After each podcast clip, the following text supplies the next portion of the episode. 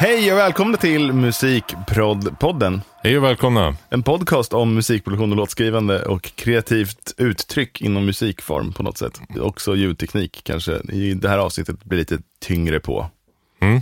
Lite ljud, Om jag får bestämma. ljudtekniskt fokus. Ja. Hoppas eh, ni mår bra, det gör vi. Eh, jag går fortfarande runt på kryckor, eh, så allt går lite långsamt, men hjärnan jobbar som den ska, tror jag. Mm. Du har en väldans eh, klump där på högerbenet. Ja, eh, jag, var, jag var hos ortopeden igår, då tog de bort en sån här kil eh, under hälen. Så nu, liksom, nu går jag lite rakare än jag gjorde i förrgår, vilket är väldigt eh, skönt. Mm. Men skon är alltså, den är väl, ja, den ser ut som en, en, en skidpjäxa ungefär, Ja, fast ännu en större. gigantisk skidpjäxa som går upp till knäna typ. Ja, eh, för att fixera min stackars hälsena. Spela inte badminton, om, eller spela badminton men gör det försiktigt. Spela inte badminton om du är över 30 år gammal. Fy fan. I alla fall, i dagens avsnitt så tänkte jag att vi skulle prata lite om någonting som jag har funderat på. Eh, som jag, liksom, det är en sån här grej som man skäms lite över att man inte kan, men jag förstår fan ingenting av det här. Jag har ju min gamla Prophet 5 från 70-talet, eh, slutet på 70-talet. Mm. Och kopplar in den direkt i mitt ljud, eller har kopplat in den direkt i mitt ljudkort. Och får lite konstiga brum och surr. Eh, så då, av en slump så lånade jag en liten box av Niklas, en impedansbox. Okej. Eh, som jag tryckte lite på knapparna på random på. Och plötsligt så blev signalen helt kristallklar. Så då har jag gått och köpt en likadan box och som är nu permanent som en, liksom en del av, av Profit-inkopplingen. och det funkar hur bra som helst. Den är helt passiv, tar ingen ström överhuvudtaget. Utan det är bara en liksom... Men jag vet inte, Ja. Vad fan är impedans? För det känns som att det kan du. Alltså i, i, i det här fallet så antar jag att, att du har en, en box som innehåller transformatorer. Mm. Och det de gör det är att de eh, separerar den fysiska kopplingen kan man säga. Så att du har liksom en magnetspole, en spole, Mm.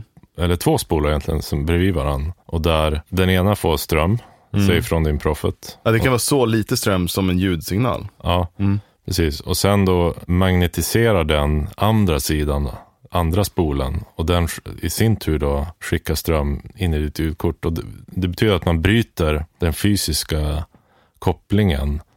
Men du, fortfarande, du överför fortfarande Information. spänning och ström. Just det. Ja. Oj, Så, det, så det, det där är ett klassiskt sätt att eh, få bort eh, eventuellt brum som, Typ jordbrum och sånt. ja, typ. Mm. Det är inte säkert att det funkar, men, för det kan ju uppstå på alla möjliga ställen. Sådär. Men i ditt fall verkar det då ha funkat. Så det är inte Suveränt. själva impedansen som gör att någonting har blivit bättre, utan det är att den antagligen innehåller en transformator som är lösningen. Eh, jag vet inte riktigt vad du har för något, ärligt talat. Eh, Paus. Jag ska se exakt vad det är. Mm.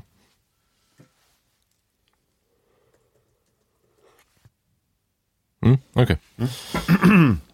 Vart var... ehm, jo. eh, Efter en eh, snabb litet intermezzo här så har vi kollat upp exakt vad min eh, lilla box heter och den heter LTR 102 Line Transformer. Ja. Och det hör man ju på namnet där, att det handlar om en transformator. Exakt. Och sen står det här att man kan ställa impedans. Och impedans är motstånd.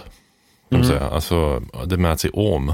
Mm. Det, det jag har förstått är väl att med gitarrer och, och icke liksom instrumentingångar så kan det bli att det är en impedans missmatchning som gör att gitarren låter för jävligt. Ja, alltså det är ju bland annat det som en, en DI-box gör. Mm. Eh, den konverterar en hög impedanssignal till en låg impedanssignal. Som man sen då oftast stoppar in i en mickförstärkare. Just det. Eh, och impedans är ju som sagt, tänk eh, alltså resistans, motstånd. Ja. Impedans är väl ett annat namn på det som gäller för, för växelström.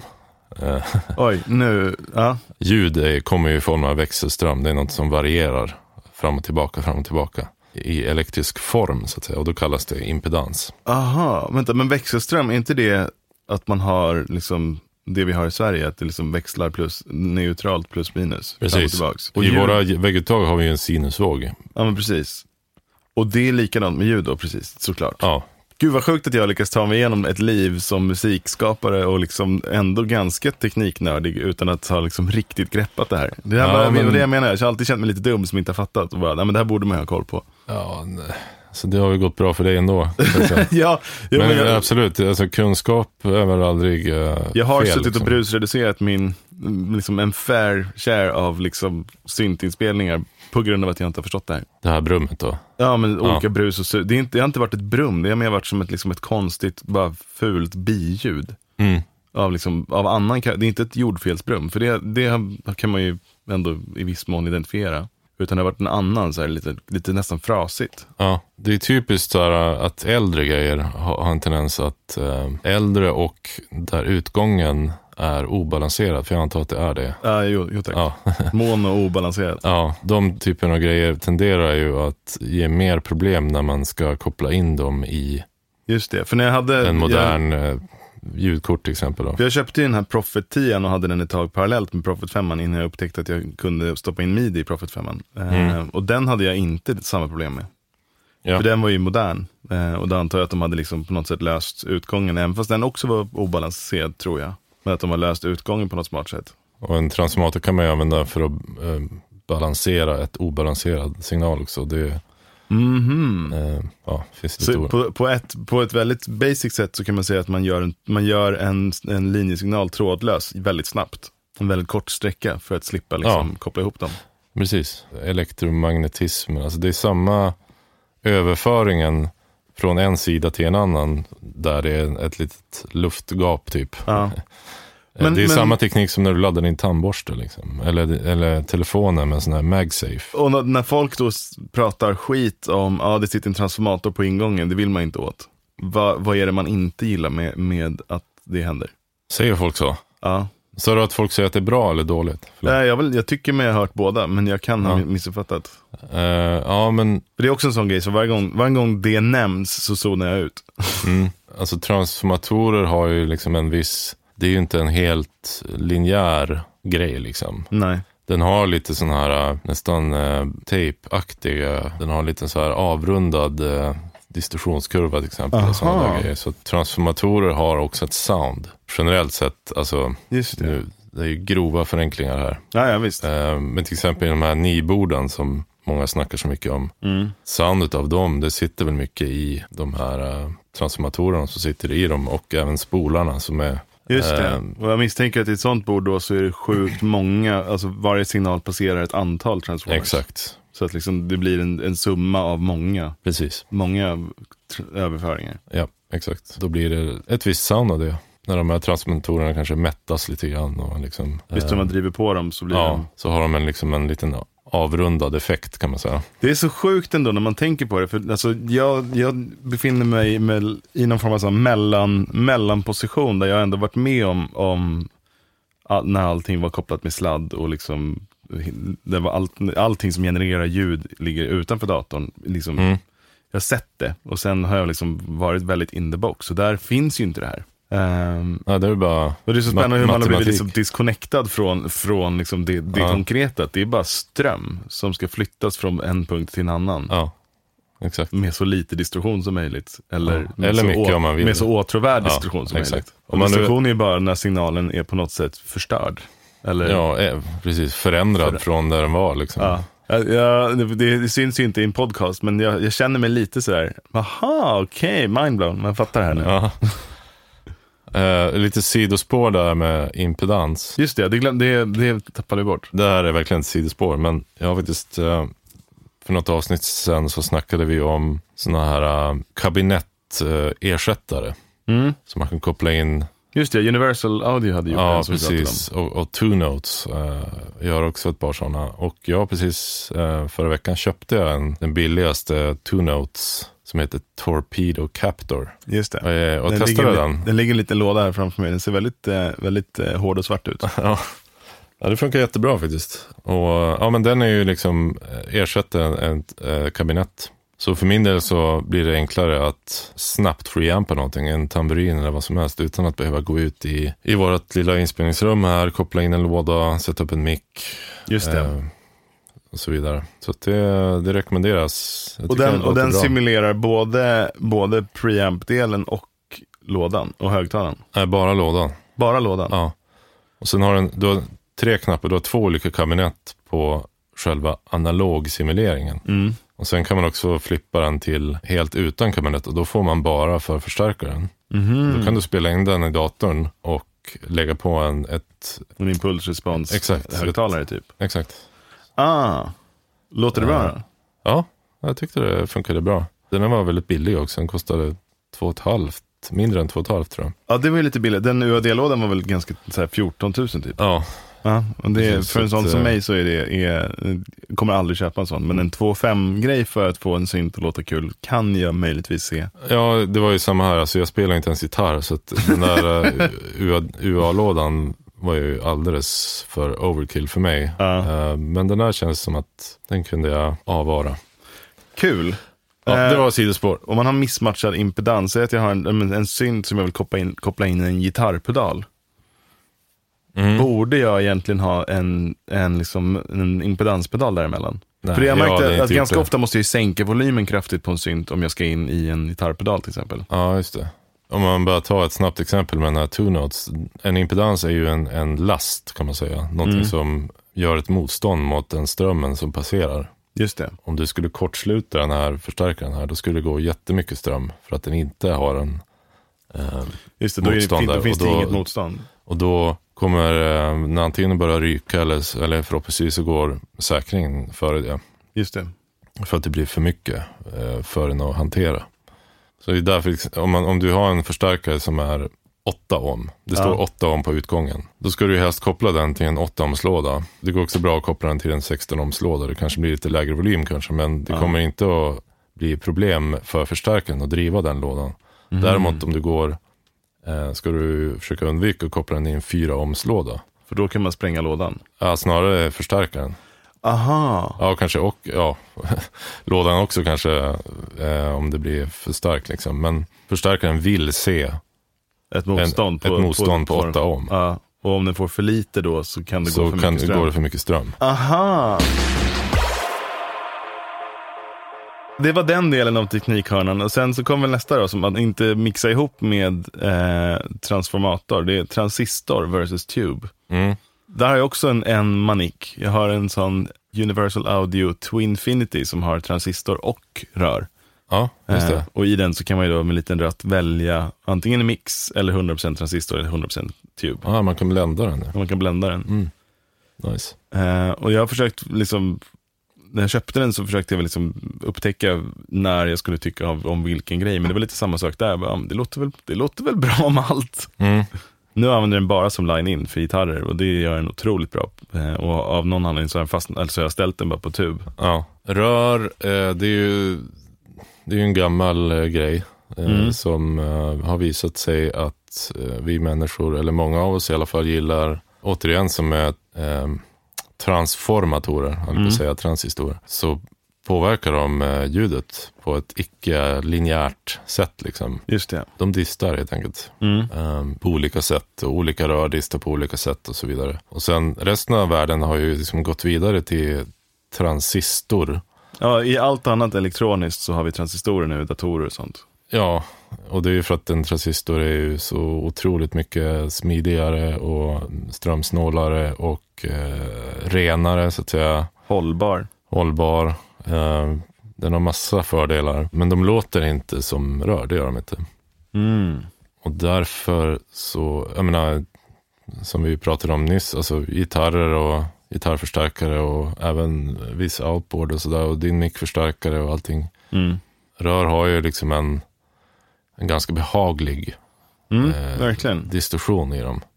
Det är bara, det är en djungel. Eh, jag skulle, jag, ett rör gick ju sönder i min mickförstärkare. Eh, Mm. Så jag var tvungen att beställa nytt. Och det var ju liksom, pratade med tillverkaren av Tree Audio och bara, vad ska jag köpa för rör? De bara, köp det här, ett sånt här rör.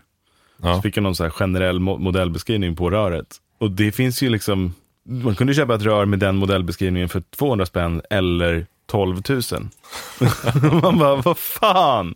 Det kanske var ett det här så kallat NOS-rör då. Ja, säkert. Eller det vet jag inte. New Old Stock. Som det Ja, det kan det ha varit. Aha, Ja. så ja. Gammalt rör som inte använts.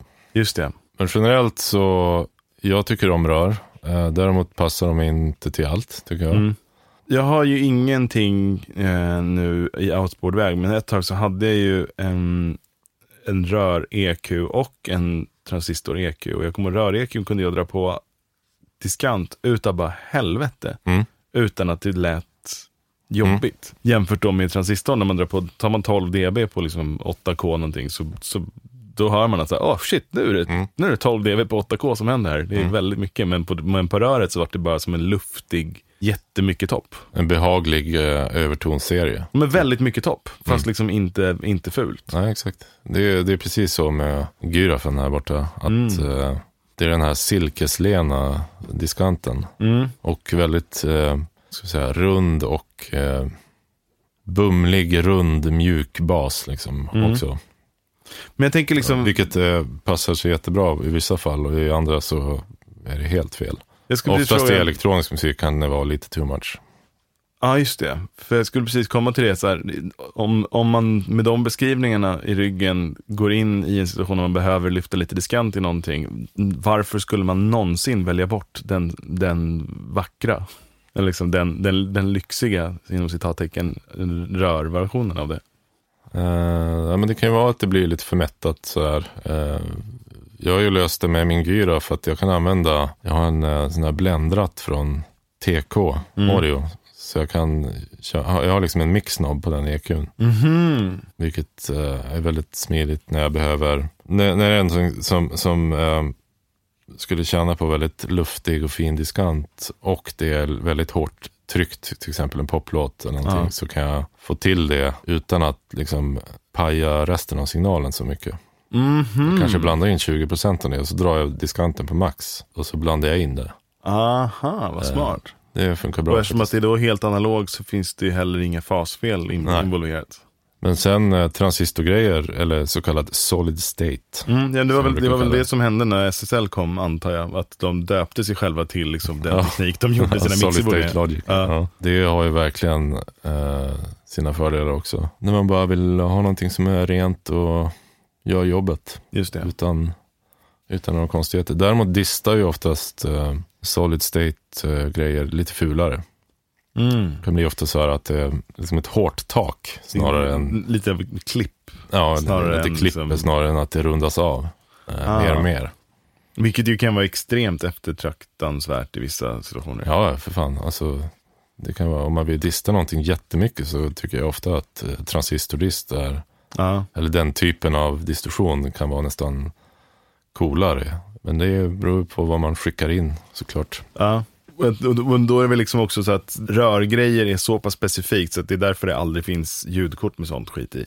Precis, ett ljudkort, eh, där siktar man väl eh, nästan alltid på att ha en så ren och oförstörd signal som möjligt. Just det. Och så får man addera det man vill ha utanför den. Så att Ja. säga. Men det är mycket bra, det finns ju mycket bra pluggar nu också som Ja, jag, jag skaffade den här Arturias eh, version av Culture Vulture. Mm. Och den låter, Den har inte jag ju- testat än. den låter väldigt bra. Mm. Och den har också en mixknobb som gör att det faktiskt, man kan dista skiten ur någonting och släppa på lite, lite lagom mycket. Ja. Och sen den som Niklas tyckte så mycket om också, Sunsamp. Mm. Det är dock inte rör. Nej, precis. Det är åt Nej. andra hållet. Det är ju Ja, ja. transistor. Ja, men precis. den är också väldigt bra. Ja. Eh, så, så vill man... Den har jag köpt faktiskt. Ja, den, den har jag börjat använda på bas väldigt mycket. Alltså Mm. även syntbasar. Bara för att så här, mix 3%. Mm. Och så blir det bara som att den får någon form av umf på Mm. sig. Som, är, som gör att den blir lite, det blir bara mer. Mm. Utan att den nödvändigtvis låter som en EQ. Jag, jag testade häromdagen, jag gjorde någon sån som skulle låta lite som en 90s house, så här, den här gamla var Wompa Wompa housen. Och, Mm. och lägga, lägga den Sunsampen med bas, basknappen intryckt på kick. Det gjorde att man, liksom, ja, man fick den här liksom, boom, när det liksom Ja. tjompar till. På ett sätt som låter väldigt, eh, väldigt daterat men väldigt coolt. Fan vad grymt. Alltså det kan varmt rekommendera. Om, om, det är någon, om det är någon som lyssnar som känner, som också har varit som jag och inte riktigt fattar det här. Eh, ladda hem demoversionerna av, av Suns Amp och eh, Culture Vulture så, eh, från Arturia och testa. Så hör man, för där, det är typ de tydligaste. Det är så här, aha! Och där kan jag flika in också med ett annat tips. Uh, Plugin Alliance version av Knif Soma. Ja, Som är en, en uh, hårdvaru-EQ. Väldigt dyr sådan. Uh, Masterings-EQ med rör. Den tycker jag, om man drar på mycket diskant där vid 10K, då, då har man hyfsat hur ungefär karaktären på en typisk rör-EQ. mm. Och så kan man ju jämföra den då med någon annan ekimanage. Som Just det. Men där, där tycker jag ändå att man har ganska mjuka, silk, silkiga diskanten. Mm. För, men det, för det, för det, så finns det den här, vad heter den, MAG. Som också Plug-in Alliance har gjort. Mm. Eh, och den är ju transistor. Men den har också sitt airband som, som också är ganska mjukt. Mm. Eh, så det talar ju liksom både för och emot allting. Så det, det verkar ju också vara väldigt mycket vem som har designat och hur de har designat det. Allt det vi säger nu är ju kraftigt eh, förenklat. Ja. Och, och liksom, det är så mycket mer inblandat i det än, än bara rör versus eh, transistor eller solid state. Så. Ja, det blir lite rörigt. Det blir lite rörigt ibland när man pratar om sådana här grejer. Men jag, jag känner ändå att jag har blivit lite klokare. Mm. Framförallt Ja, det där med transformatorgrejen. Kände, alltså jag, jag, någonstans vet man vad, eller jag har vetat vad en transformator är. Liksom, framförallt med sådana alltså transformator, el, eltransformatorer när man ska få liksom DC-ström in i en synt eller någonting. Ja. Men jag har aldrig tänkt på att det är samma sak i, i de här små boxarna. Där så används transformatorn för att eh, konvertera en spänning från då 230 volt i våra väggar Till 5, 6, 7, 8, till 9 eh, volt. ja, 15 volt eller vad det nu Ja. kan vara. Liksom. Och sen efter det så, så likriktas den vågen så att det blir en likström av den. Just det. Ja, det var fan tack Mange. Du har eh, hjälpt till. Ja, jag är ju verkligen ingen expert men jag har liksom lite rudimentär eh, elkunskapare. Ja, eh, betydligt mer än vad jag har. Mm. Jag har, jag har mer en, en tillämpad eh, kunskap. Så här, så här, det fungerar bättre när jag kopplar in den här. Ja. Och därför använder jag den, men Ja. jag vet inte riktigt varför. Så tack för den kunskapsdumpen. Eh,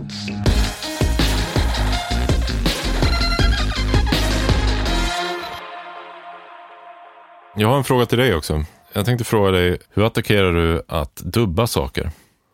Och göra olika lager? Just det. För jag har alltid haft eh, min, när jag spelar in grejer, och det är ju då mest eh, rock då, eh, att jag kanske inte gillar att dubba saker så mycket, utan jag, att jag vill att ljud ska ha, komma fram på egna meriter, om man säger det. så.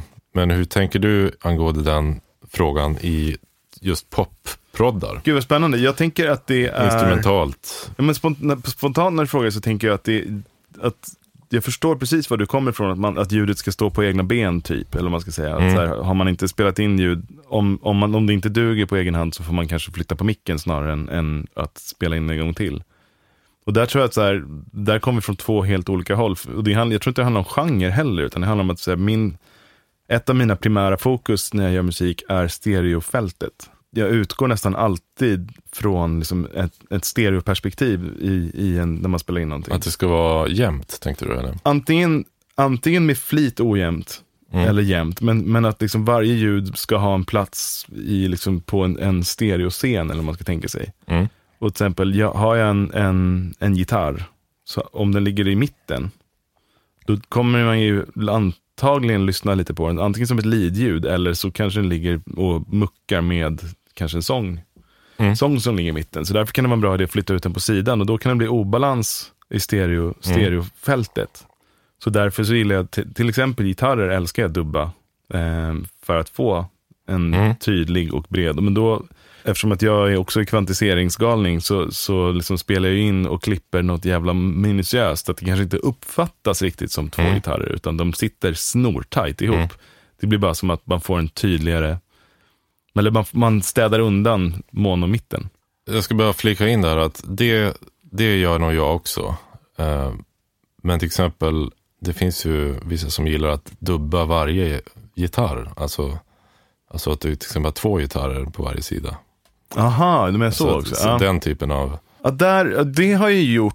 Eh, nu är jag så, nu är pass dålig på att spela gitarr också, så det, har- det har ju liksom blivit nästan som en egen liten, eget litet sound. Nu ska jag inte ta någon, någon liksom hävda att jag har ett sound på gitarr, för det har jag inte. Men det blir ju som ett sound eftersom att jag är så dålig på det, så att jag måste spela saker på ett sätt för att få det att låta som att det är någon Mm. som har spelat gitarr. Jag kanske inte klarar av att spela hela ackordvändan i en Nej. tagning. Eller ens alla toner i ackordet som jag vill ska vara med. Så jag får Ja. dela upp dem i två. Så jag får spela ett barré-ackord och sen får jag lägga på sjuan eller nian eller vad man vill ska vara med med en annan tagning och sen gruppa ihop dem och sen skicka till en starkare så att det låter som en gitarr. Eller ännu värre, Ja, du spelar in eh, Spela- ja, line-signalen. spela en ton i taget och försöka liksom göra det på ett sätt så att det låter som att det är en tagning.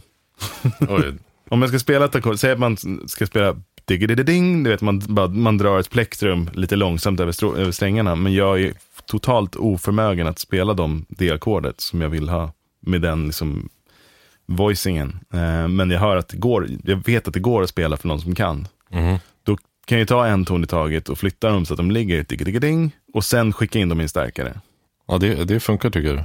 Ja, Jag menar, när, när du drar ett ackord, ja.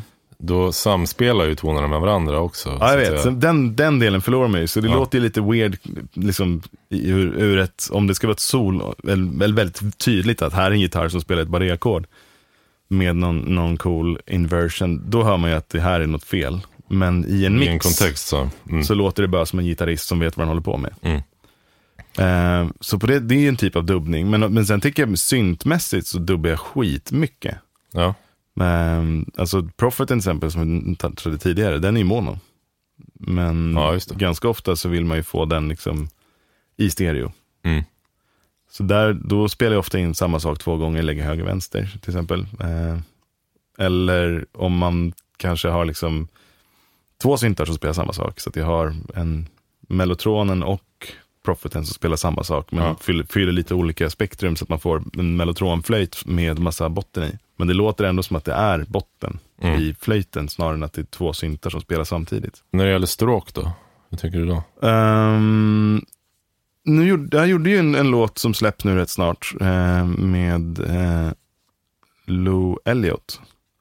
Och där har vi Erik Arvinder på stråk. Och där så tror jag att det var på något ställe som jag, som jag ändå puttade in lite syntstråk också, bara för att få ännu mer spett i den. Inte mycket, men det var något, det var något ställe som i refrängen när det var så här, hans, de stråken vi spelade in lät fantastiska, men de tog inte riktigt den platsen som de behövde. Så då tog jag, bifade upp till skanten i de inspelade stråkarna och tog ganska mycket kropp från en, en kontaktbank. Ja. Man, man hör ju inte, eh, inte ens jag när jag lyssnar hör att det är en syntstråke där. Utan Nej. det låter ju som att det bara är de inspelade stråkarna med ganska mycket kropp. Rätta mig om jag har fel, men det, det är väl ganska vanligt att man stöttar upp eh, livestråk med syntstråk. Men jag tror det, för att det, det, det man vill åt, Du vill ha karaktären av, du vill höra karaktären av det riktiga stråket, men ja precis, man vill ju åt liksom, för det som gör att man hör att det är syntstråk är ju liksom själva stråkens rörelse på hundsträng. Eh, och den är så jävla svår Mm. att, eh, att låtsas, att fuska med. Det, men när man väl har den inspelad, det räcker med två stråkar som spelar. Så kan man ju fylla på med liksom väldigt mycket syntstråk där under. Och så hjärnan är så, så pass puckad så den bara, aha, det är live. mm, Fast egentligen så är liksom merparten av allt man hör inte det. Alltså Mm. Det kan till och med vara så att man bara spelar in överstämman med en live-stråke och sen så resten lägger man i midi. Om man har midi-stråkar som låter något sånär, liksom, som att de är inspelade på samma ställe med här, samma typ av rum eller mikrofonuppställning eller något. hur pass eh, realistiskt är samplade stråkar idag? Ja, de är ju, alltså de realistiska är de ju till 100% eftersom att de är, Ja, ins- ja, är de är ju- ju inspelade. Ja, men ja, som jag har köpt de här Spitfire eh, som har gjort studio strings och, sing- och solo strings och de låter ju fantastiskt. Mm. Men det är ju samma sak där, övergångarna mellan toner, Mm. det är där man hör. Så ska man göra någonting som låter verkligen övertygande, så, alltså det går ju. Men då får jag sitta och visa fyra timmar för att få till några fraser som funkar. För man får ha liksom flera, flera kanaler där någon med legato, man får flippa lite mellan legato och staccato. Liksom. För det är väldigt svårt att ha, det finns ju sådana pluggar som också har någon form av dynamisk som förstår vad, vad man vill spela. Men då låter det också ganska mekaniskt. Mm. Om man liksom, alltså en sån fras är, det är mycket automatiseringslanes på den. Och kanske till och med tre, fyra kontaktbanker som får spela olika toner. Tillsammans så låter det som en, en inspelning. Och då är det ju liksom, när det börjar ta så lång tid, då kanske det till och med är värt att hyra in någon Mm. som spelar och som kan spela, som gör det på en timme. Istället för att man sitter i fem, fem sex, sju timmar själv. Där finns det verkligen en plats för um, duktiga, alltså genuint duktiga musiker tycker jag. Alltså, det finns väl ingenting som låter så dåligt som en, en, en dåligt spelad uh, stråke liksom. Nej, nej fy fan, det låter, det, det är tydligt. Att det, att det, liksom, det är en väldigt dead giveaway på när det är lite B. Precis. Men, men eh, en, en kul grej på dubbning, jag har precis skaffat en synt, kommer prata mer om den sen tror jag. Ehm, men jag köpte en Udo Super 6. En analog synt. Eh, och de har gjort någonting som de kallar binaural. Och det är att varje oscillator, istället för att man har en röst som spelar liksom varje oscillator, så har de duplicerat synten i två. Ja. Varje, varje oscillator kommer i två kopior, en som ligger höger och en som ligger vänster. Så vad man än gör så får man en, stereo, en enorm stereobredd på allt. Vilket är skitroligt. Okej, så den dubbar liksom Det är lite som din att, enda tagning internt. Så att ja, säga. det är lite som att jag har spelat in Profiten och lagt, lagt det höger vänster. Hur pass olika är de två signalerna då? Är de Det- tillräckligt olika för att det ska bli liksom... Nära nog identiska. Alltså, de, det är i princip bara två analogkretsar som spelar samma sak och placerad höger-vänster. Så ju längre ner på bas, i, i basen man kommer, desto mer fasfel får man.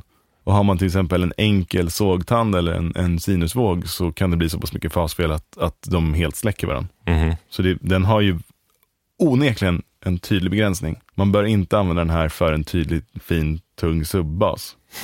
Men den är fantastisk på väldigt mycket annat. Om man vill bara göra liksom pads eller pluckljud eller, liksom, Mm. eller and, effektljud också. Att det, den blir så jävla brett och fint. Mm. Men den är helt ny, jag har precis kopplat in den. Eh, och eftersom att jag inte kan krypa runt med min jävla fot så, så går sladdarna lite weird nu. Så den, Ja. har inte, den har inte riktigt fått sin permanenta installation än. Men eh, det har varit jävligt kul att bara testa och, och, använda den. Jag har redan fått in den i, i en eller två proddar som jag har gjort. Just för att den, den låter så annorlunda mot alla andra analogsyntar. Men som sagt, det, det kommer nog ett det, det, det, den är så pass spännande så jag kommer försöka göra någonting specifikt om liksom, den typen av synt. Kul. Väldigt roligt. Det binder ihop bra min sista fråga till dig. Ja, Eh, hur attackerar du stereo i basen? spännande. Stereoinformation i, i under 100 hertz. ja det är fan, det är ju en, Har du det eller ser du till att inte ha det? Eller är det okej med lite grann? Eller, gör du, eller skiter du i det? Skiter i det gör jag absolut inte. Ehm, det där är ju en sån grej som jag kan till och med typ höra på mina egna proddar genom åren hur jag har liksom bytt approach. Och då och då kommer på något nytt och bara, så här ska jag göra. Men jag tror att det jag landat i, som jag nu senaste åren har väl inte reflekterat så mycket över det, är det liksom att när det ska vara ös i en refräng till exempel, ehm, så har jag väldigt lite information i basen under 100. Ja. Kanske Varför? oftast så blir det otydligt. Ja. Det känns som att man, man förlorar det tryck som man ändå har jobbat hårt för att bygga upp. Eh, jag gör ju väldigt mycket dansmusik där det ska vara en kick och en bas och basen ska innehålla sub. Mm. Eh, och det ska, när det smäller på så ska det smälla på ordentligt. Det måste inte vara skitmycket sub, men det ska liksom vara tydligt. Har man det stereo så får man det här att liksom, ja, men man får fasfelsvibrationerna och det kan vara jävligt snyggt. Till exempel i, en- i en build-up. Där använder jag, det kan jag använda som en, som en medveten taktik. Man tar Som, två ett, som en sinus- effekt. Ja, man tar två sin, sinustoner på, liksom, om vi säger att man, har en, att man ligger på 80 hertz som grundton. Och så lägger man dem så att de går 100% i synk så att det blir en rak sinusvåg i mitten. Och sen Mm. plötsligt så, så, här, så pitchar man upp den ena lite grann. Bara till, Typ några cent bara eller? ja, men så här, till 82 hertz, 81. Mhm. Eller liksom inte ens hela hertztal utan bara med en liksom, liten pitch wheel. Då får man liksom... Och det kan bli otroligt effektfullt. För det blir en fysisk upplevelse av någonting som går, går fel. Mhm. Och när man gör det i stereo dessutom, då får man den upplevelsen både, både i form av liksom fysiskt ljudtryck som oscillerar Ja. och höger-vänster. Så det kan bli väldigt, eh, väldigt eh, kraftig och cool effekt. Men det är i princip uteslutande för partier där det inte är trummor och tryck. Nej. Utan när det är liksom, typ en hoverpad, en sån klassisk liksom baspad. Mm. De är skitsnygga. Den, där, den är inbyggd massa fasfel. Men där är så många vågor som spelar samtidigt samma, samma typ av ton. Så att liksom fasfelen blir en del av soundet snarare Ja. än, än att det blir cancelleringar. Gud vad Ja. tekniskt. Kul. Eh, Det är bra svar. Det är ungefär så jag tänkte att du skulle svara. ja. Eh, faktiskt. Men däremot så kan det ju vara, liksom, när man tänker på bas i stereo, så kan man ju fortfarande skapa någonting som uppfattas som att basen är mycket stereo. Mm. Utan att man har informationen under 100. Så till exempel, liksom, lägger man en sub i mitten så kan man kanske ha eh, en oktav upp, lite Mm. filtrerat. Eh, och på en, på ett, som ett lager då, när man totalt kuttar allting under 100, men att den är skitbred. Mm. Så att man får liksom attacken, eller vad man ska säga, i ljudet i bre- i, i väldigt brett. Och då packar man ihop, våra hjärnor packar ihop det där till en, man uppfattar det som ett ljud som är Ja. i stereo. Precis. Fast konkret sett så, har man, så är det massa jävla fuckery och trycker där bakom. Det är Ja, roligt, det, det låter ju som att man, som, man- när, man, när jag pratar om det så låter det som att jag sitter och tänker på det här aktivt när jag gör musik. Men det gör jag ju väldigt sällan. Men, men det har väl liksom blivit en sån work, workflow situation. Mm. Som du också sitter, det är inte, inte som att du sitter och funderar över vilken EQ du ska koppla in eh, exakt signalvägen. Utan det är bara, det här blir bäst. Ja. Det bara är så här. Nej, när man är mitt i det, alltså, då, då gör man ju bara saker på en ren instinkt så att säga. Ja, Utan att tänka speciellt mycket. Eller så är det för mig i alla fall. Speciellt när man mixar och så är det att, ah, kör vi. Eh, sen kanske man har några, några grejer i bakhuvudet Ja. såklart. Eh, men, men det är som du säger att man sitter ju inte så här analyserar. Eh, vad blir mitt nästa drag? Vad är mitt Liksom. nästa drag? Nej.